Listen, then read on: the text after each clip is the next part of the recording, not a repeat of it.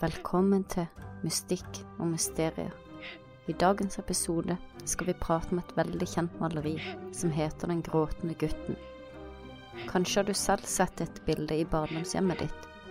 Hva er sannheten bak bildet, og hva gjorde at så mange trodde det hvilte en forbannelse over det?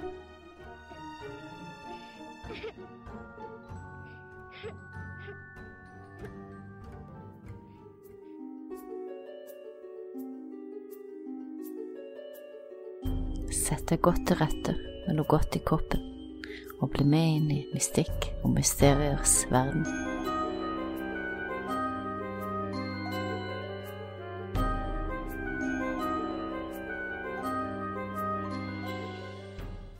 Som lita jente så husker jeg at vi hadde et maleri i andre etasje. Maleriet var av en liten gutt, og det ser ut som gutten sitter i et hjørne i en mørk kjeller. Halve kroppen er dekka av skygge, mens resten er opplyst av en solstråle som skinner ned på gutten. To tårer renner nedover kinnet, og blikket er trist og vemodig. En periode hang maleriet på rommet mitt.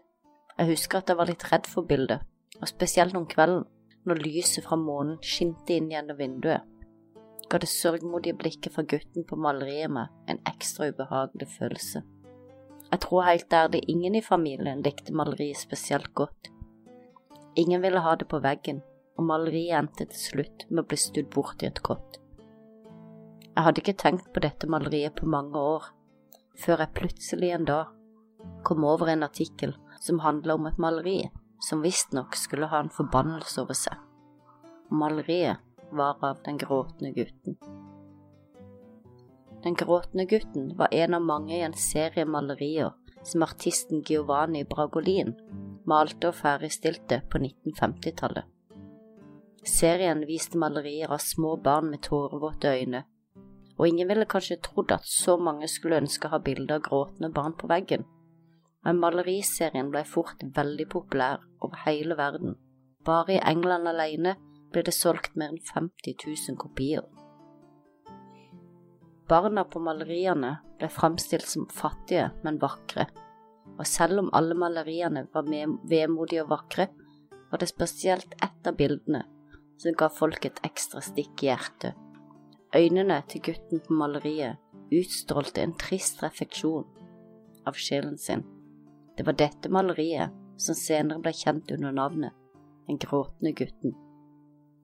Totalt malte Bragolin over 60 malerier, og frem til tidlig 80-tallet solgte maleriene og reprintene i store mengder.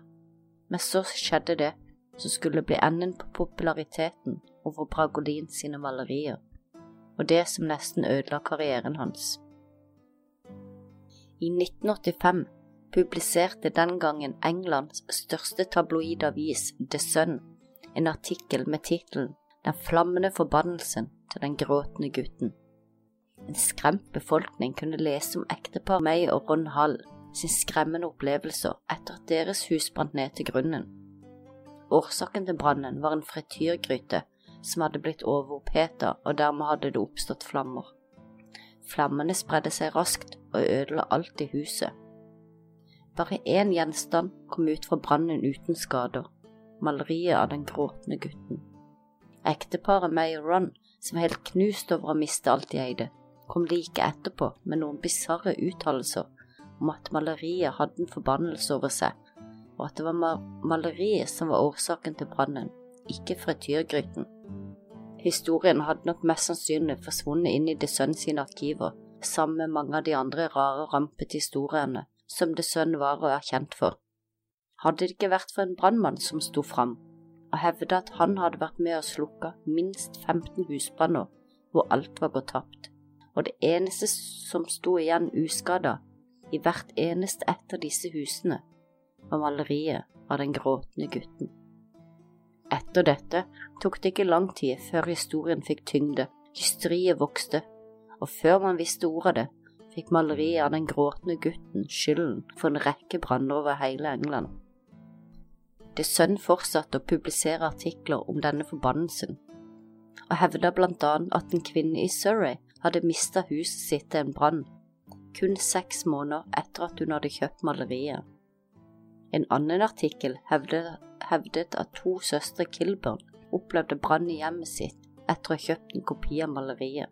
Den ene søsteren hevder til og med å ha sett maleriet svaie fram og tilbake på veggen. Videre fortalte The Sun om en bekymra kvinne på øya i White som hadde forsøkt å brenne maleriet uten suksess, og opplevde etter dette en rekke uhell og ulykker. En mann i Nottingham skulle visstnok ha mista hjemmet sitt og familien blitt skada, og en pizzarestaurant i Nordfolk ble ødelagt i en brann, inkludert alle maleriene som hang på veggen, bortsett fra ett, så klart, den gråtende gutten og når det sønn i tillegg kunne fortelle at selv rasjonelle brannmenn nekta å ha en kopi av bildet hjemmene deres, ja, da var myten fullkommen, og maleriet sin historie ville for alltid bli forbundet med brann, død og forbannelse. I alle disse sakene, og mange flere som ble rapportert, var historien alltid den samme. Maleriet av den gråtende gutten forble uskadet, mens alt rundt var ødelagt. Til slutt så ble det slik at hvis ett hus sto i brann, og det inneholdt et maleri av et gråtende barn av en hvilken som helst artist, så fikk maleriet skylden. Flere hevda at de opplevde en serie med uhell hvis de forsøkte å ødelegge eller kvitte seg med maleriet. Andre igjen var overbevist om at det bare var et spørsmål om tid før katastrofen ville ramme dem. Og etter å ha publisert flere artikler og skremmende historier var befolkningen blitt så skremt at sønnen nå kunne tilby befolkningen en løsning på problemet. Så på halloween i 1985 ble hundrevis av malerier levert inn til deres sønn, som deretter laget et stort bål av dem og brant dem opp under oppsyn fra brannvesenet. Men hvorfor skulle nå denne tilsynelatende uskyldige serien med malerier være forbannet? Det tok ikke lang tid før spekulasjonene florerte. Teoriene varierte fra at det var en liten sigøynergutt hvis familie hadde plassert en forbannelse over artisten som malte ham. Andre hevdet at gutten hadde selv omkommet i en brann, og at hans sjel var fanget i maleriet.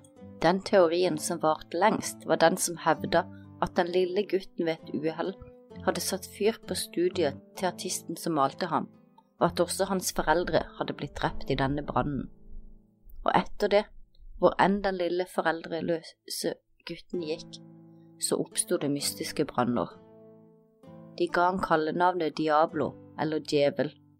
Gutten skulle ifølge teorien ha overlevd til han var en ung mann, hvor han da på tragisk vis døde i en bilulykke, og bilen endte opp i flammer. Og etter hans død var det maleriet som fortsatte å bære videre hans forbannelse. I et forsøk på å avkrefte historiene som oppstår rundt maleriet av den gråtende gutten, var det flere eksperter som kom med deres synspunkter. Et frustrert brannvesen forklarte at i alle brannene som hadde oppstått, så fantes det en naturlig og rasjonell forklaring på hvorfor brannen starta, og i de aller fleste tilfellene kunne det spores tilbake til menneskelig uforsiktighet eller elektrisk feil. Det de derimot ikke kunne gi en forklaring på, var faktumet at disse maleriene som ofte sto igjen uskada hvis alt rundt dem ble ødelagt. I en video på YouTube laga i 2010 av en som heter Steve Punt, eh, setter han fyr på et maleri av den gråtende gutten for å finne ut en gang for alle hva som skjer.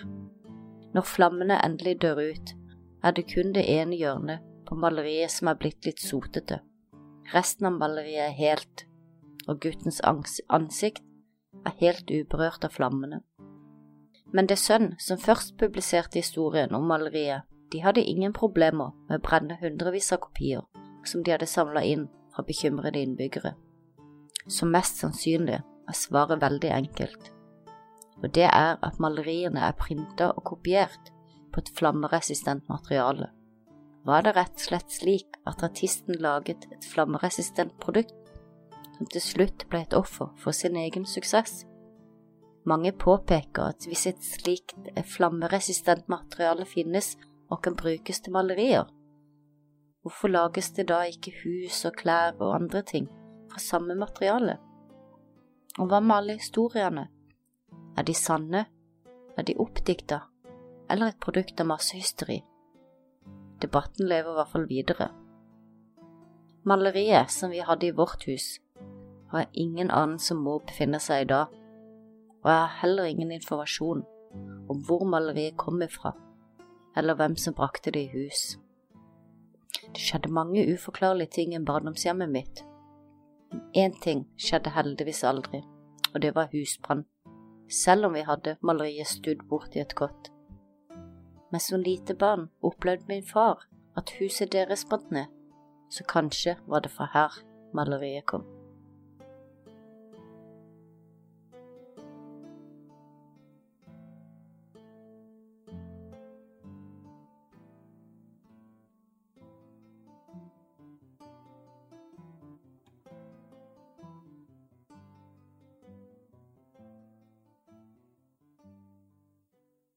Har du et enkeltpersonforetak eller en liten bedrift?